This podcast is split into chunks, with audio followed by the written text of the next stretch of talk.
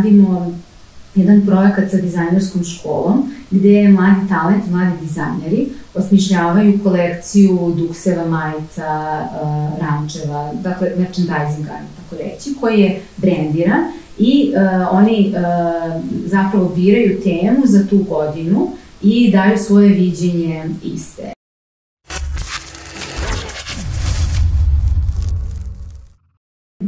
Zdravo svima, ja sam Tijana, radim u organizacijnom timu ovogodišnje New Leaders konferencije. Dobrodošli u NOC Hub, sa mnom je danas Milena Maksić, e, ja sam digital direktorka u marketičkoj agenciji Ovation Beauty Bureau.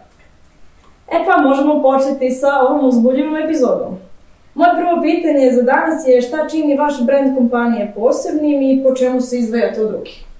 E, pa, hvala ti pre svega na pozivu i na ovom pitanju. O, super je što je prvo pitanje to, zato što a, je to obično prvo pitanje koje mi postavljamo kada kreiramo neku komunikaciju za brand ili klijenta. Šta je to što drugog nekog čini posebnim i šta će onda to posledično doprineti da ga više primete.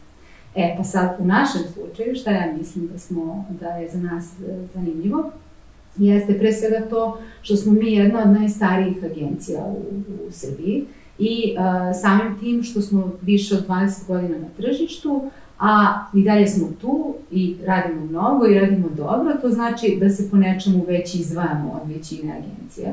E sad, iz mog ugla je to pre svega uh, neka vrsta sposobnosti da se dobro prilagodimo i da imamo u vidu da se sve promenilo u odnosu na to kada smo počeli, a da i dalje uh, smo u kontinuitetu među prve dve, tri ili pet agencija svake godine. E, tako da ta fleksibilnost na prvom mestu i sposobnost da se odgovori na različite izazove je nešto što, što ja mislim da nas izdvaja.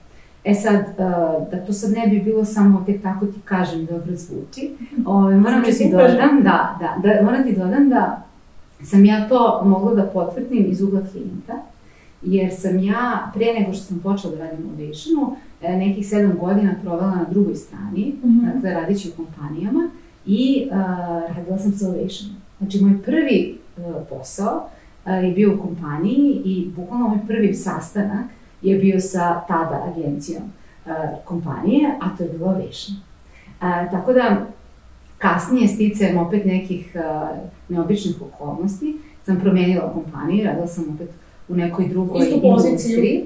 Da, da, u marketingu sam radila. Uh mhm. -huh. Ove, I e, gle čudo, ponovo je tu bio Ovation. Nije slučajno. Tako da, da, da, da, ni, ništa nije slučajno i, ove, i stvarno mogu da kažem da iz tog nekog ugla sam jako imala lepu saradnju sa njima pre nego što sam odlučila da, da pređem na, na, na mhm. njihovu mm -hmm. stranu.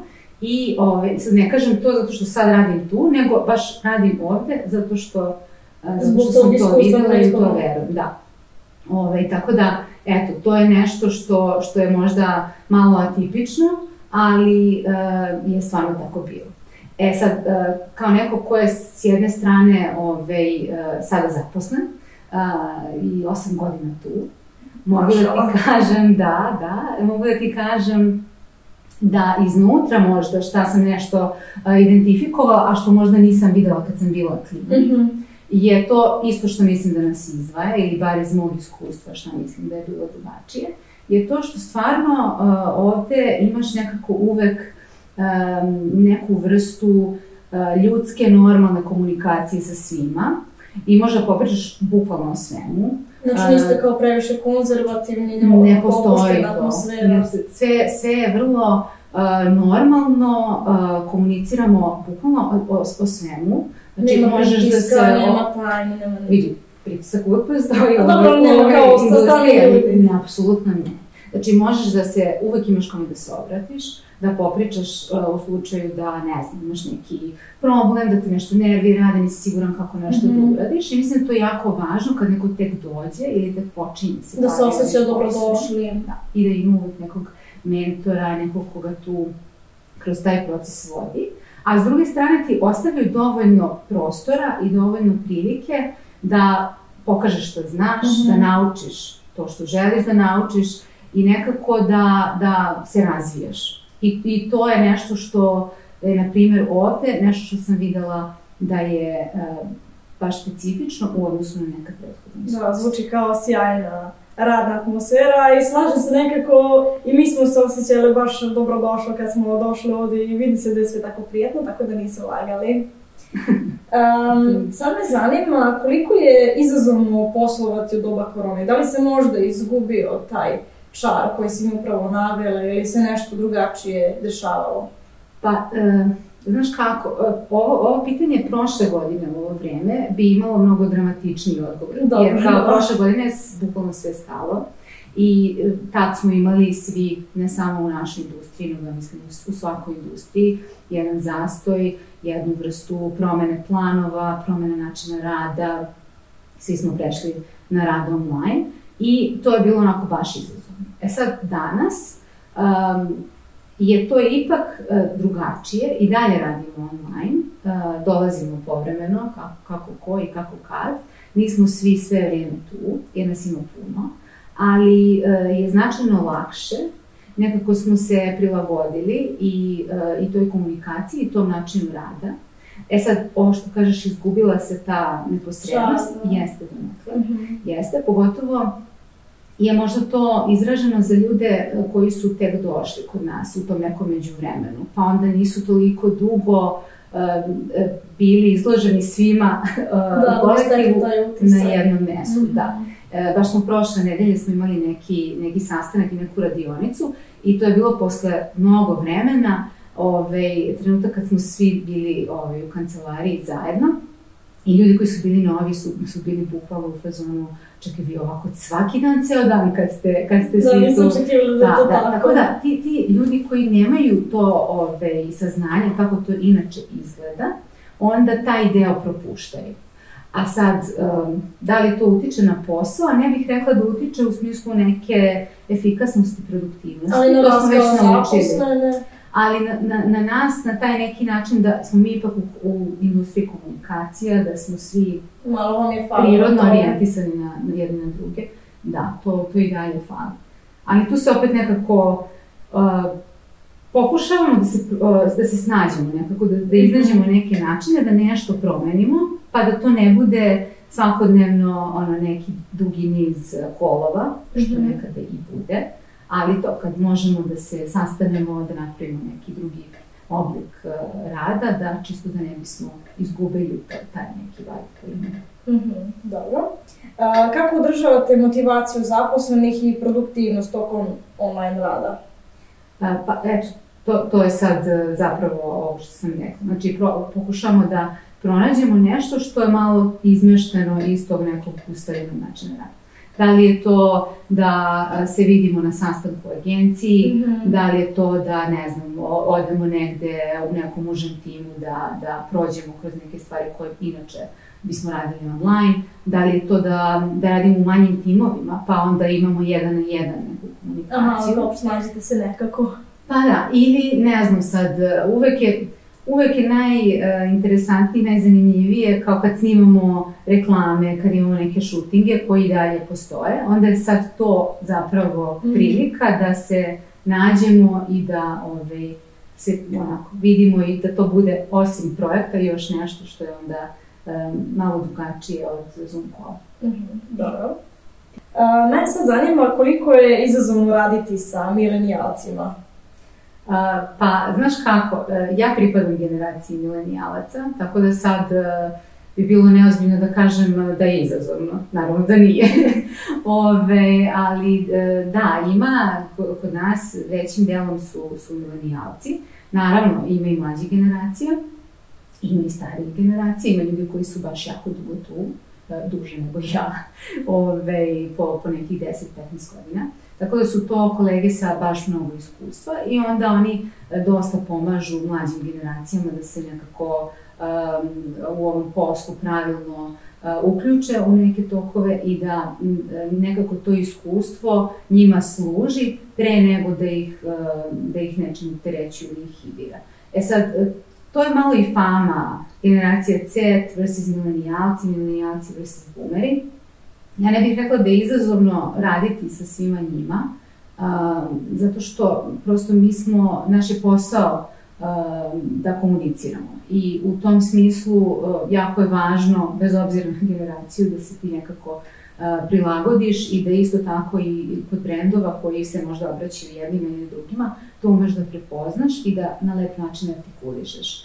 Ali ovaj, recimo da, eto, generacija Z um, je možda najviše digitalno pismena u smislu da su kao najmlađi najbrže uh, nekako prilagođeni digitalnim tehnologijama i promenama koje su apsolutno uh, dinamične i uh, neizbežne. I onda je kreiranje komunikacije za generaciju Z malo izazovnije u smislu uh, pokrivanja svih touch pointa na digitalu, u kojem se ja bavim, zato pričam najviše i o tome, ove, da se to sve pokrije na način da to bude adekvatno, relevantno, primećeno i tome slično. A ovako u radu i u komunikaciji stvarno mislim da, da se Nema nekakvih problema, da. Dobro. Um, navedi jednu stvar koju uvek pokušavate da održite u svojoj organizacijalnoj kulturi i zašto? A, pa, to je teško.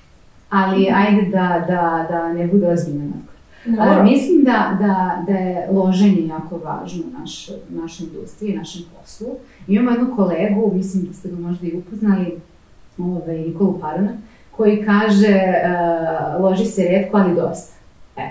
Uh, otprilike to sumira kako mi gledamo na posao i taj moment da se ti ložiš na to što radiš, pogotovo uh, u svetu digitale, gde je sve uh, 24 kroz 7, ti moraš zaista da to voliš. Treba da ima ta vatra, strast. Da, da. I to je, to je, eto, ako nešto ohrabrujemo i, i nekako želimo da podstaknemo, to je taj uh, odnos prema poslu, jer ovaj, negde mislim da je to najvažnije. Sve ostalo može da se nauči, može da se savlada, može da se prevaziđe, ali ako ti to zaista ne živiš stvarno, onda, onda postaje teško. Slažem se, baš mi se sviđa ovaj odgovor.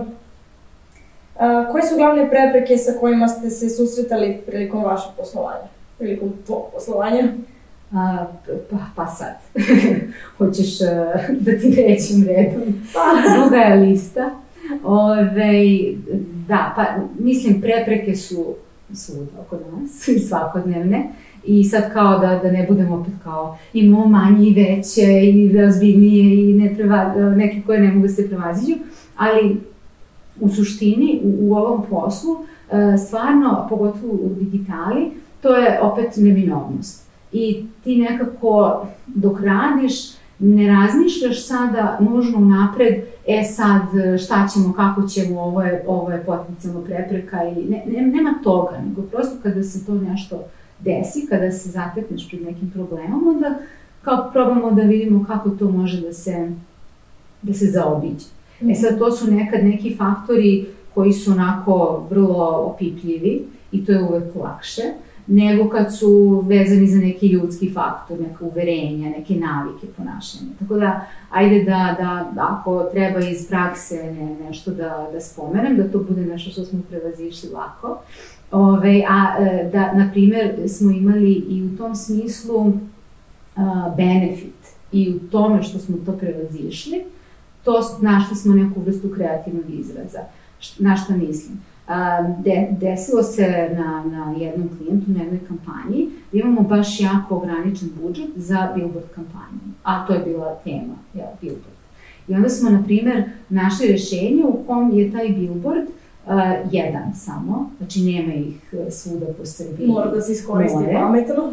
Da, i onda smo ga napravili tako da on bude malo atipičan. Obmotali smo ga u aluminijumsku foliju. Ne znam da to vidite, to smo radili za manč. I uh, bukvalno preko noći je to postalo landmark i svi su to fotkali, delili na mrežama i tome slično. Tako da, uslovno rečeno, bez jednog posta na mrežama i bez mreže billboarda, smo napravili viralnu kampanju. Da, koja nije digitalna. zaista. Da, to je, to je na primjer outdoor, to uopšte nije digital, ali to je opet po, pokazna neka ove, vežba i primer da nešto može da se ove, lepo s jedne strane zaobiđe, a sa druge strane da bude prostor za, za kreativnost. Da, da nije tako, tako izazovno bilo bi dosadno. Eto, da ste imali više billboarda, pošto ne bi imali tako dobru kampanju. Pa eto, to je jedan, to je jedan primjer. Ili, ne znam, za jednog klijenta smo imali situaciju da, na primjer, imali smo dugo neki plan i predlog da otvorimo Instagram i razvili smo kako bi to moglo da izgleda ili šta bi to moglo da se komunicira, ali oni e, nisu imali neku vrstu već utvrđene procedure ili standarda za to. I onda je to nekako uvek stajalo sa strane. I nikako... Da, i onda smo, onda smo mi napravili sami standard. Napravili smo sami standarde za Instagram i to su usvojili, čak i regionalno, i onda smo otvorili Instagram po našim standardima.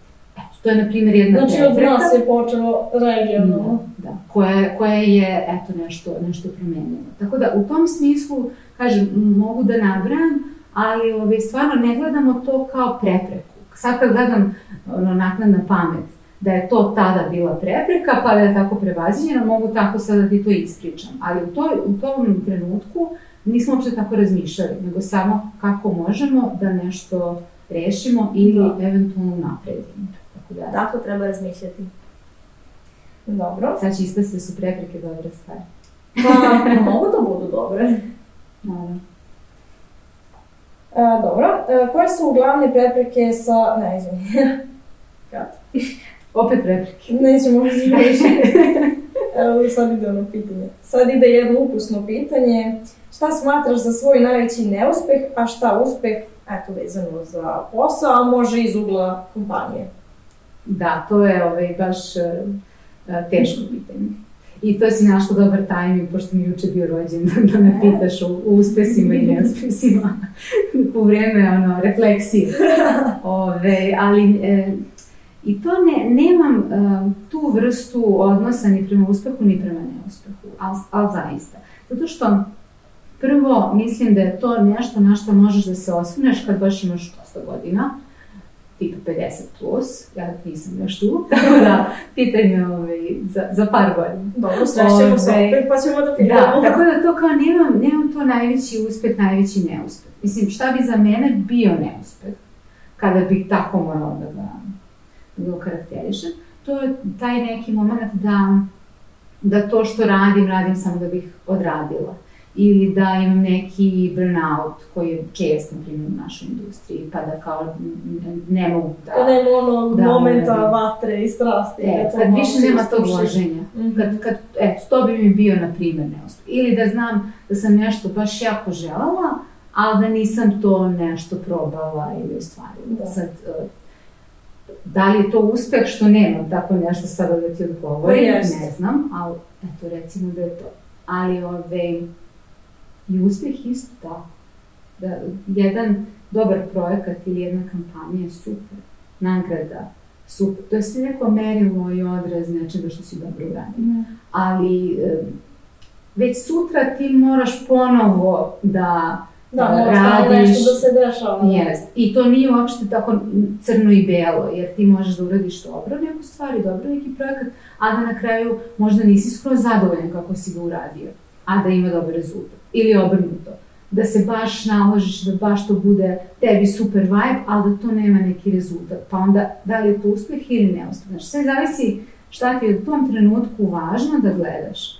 A, I onda, da, mislim da je to neka kombinacija. Sve, sve što o, u poslu, kao i ovako van posla, a, naiđe, može uvek da se tumači i ovako i onako. A jel se možda plašiš neuspeha? Sad ne u tom smislu, nego evo sad si navjela recimo da imaš neku neuspelu kampanju ili post ili što god. Pa ne, ne, zato što to je isto deo posla. E, prihvatiš. Prihvatiš, prosto vidiš da li je tu nešto moglo da bude drugačije urađeno, šta je to što je moglo da bude drugačije urađeno i da probaš da to u sledećem turnusu promeniš.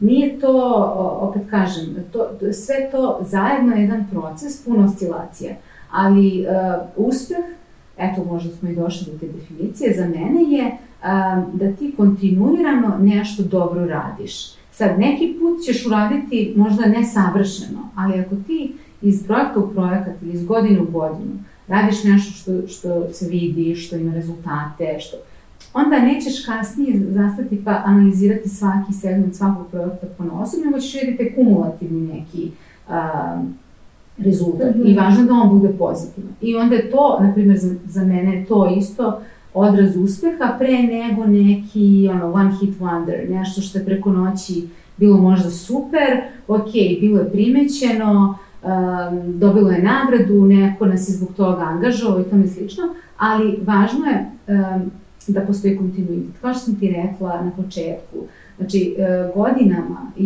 i, i kao neko ko radi u kompaniji, godinama Ovation ima tu neku vrstu odgovora na zahteve i potrebe klijenata.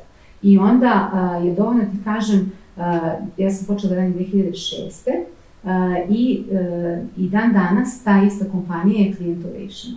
Koliko je prošlo od tada. U ovoj drugoj u kojoj sam takođe radila, ona i dalje i takođe je klijent. Tako da, taj znači, moment da se klijent veže za agenciju i da traje, to, to govori da nešto, da nešto dobro radimo. A sad, da li jedan post ima manje lajkova u tom trenutku to, ili ne? To ono postane nebitno. Postane nebitno. A ne može sve da prođe super. Ko, ko još ima savršen taj kontinuitet da ima niko, evo. Dobro. Um, koje su pitanja koje treba da postavimo sebi prilikom upuštanja u bilo kakav uspeh? Uh, pa, to je sad opet, ću se vratiti na prethodno pitanje. Mislim da nema to kao pripremiš se za uspeh, postaviš sebi pitanja i sad kao uspećeš ako to dobro Ili, na primjer, kao kad planiraš nešto, pa kao šta sebi kažeš, šta sebe pitaš? Pitaš se da li to želiš, da li, to, uh, da li je to nešto gde sebe vidiš, da li uh, imaš dovoljno znanja za to, da li, šta su ti jake strane, šta eventualno ne, je nešto gde ti treba Treba biti samosvesna. Da, da, apsolutno. Mislim, uh, i to opet, uh, ne možeš da znaš onapred uvek, ali to da, da sebe nekako setuješ na to što je važno za tebe da uradiš i da se tome posvetiš, da budeš to vredan, odgovoran i da stvarno radiš na tome i onda je to po meni preduslov za uspeh. To ne znači da ćeš ti uspeti svaki put, ne znači da, će, da je to garancija, ali niko ko je uspeo, e, to nije, to nije uradio bez ovih da. stvari da. koje sam rekla. Ili barem je to moje neko biće. Mm -hmm. Dobro. A, koje je tvoje merilo uspeha? Uh, opet zavisi od toga šta i kako posmatram, ali sad uh, merilo uspeha, ajmo reći na digitali, su lajkovi, komentari, šerovi, ili tako. To je sad ne, nesporno.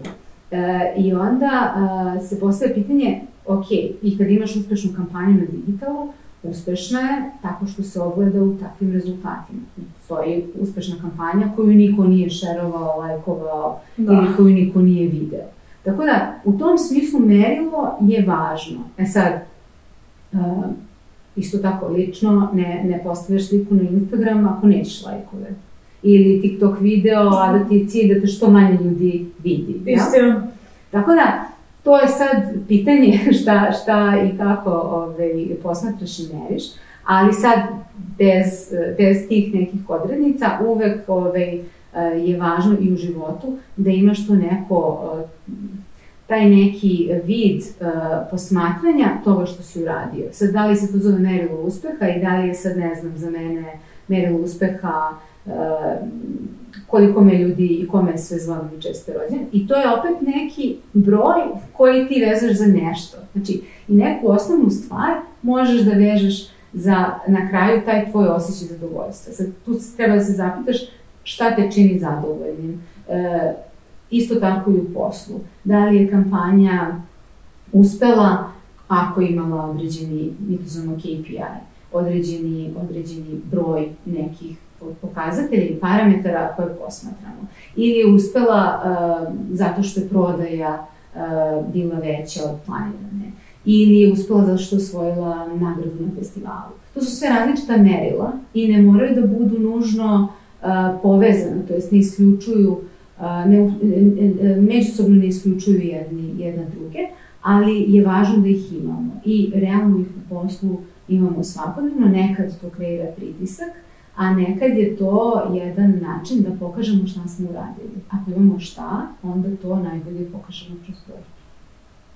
Znači, matematika vas svuda prati. E, ništa, moja sledeće pitanje je šta je stvar koja deluje potpuno logično, ali većina ljudi zaboravi na nju prilikom pokretanja biznisa?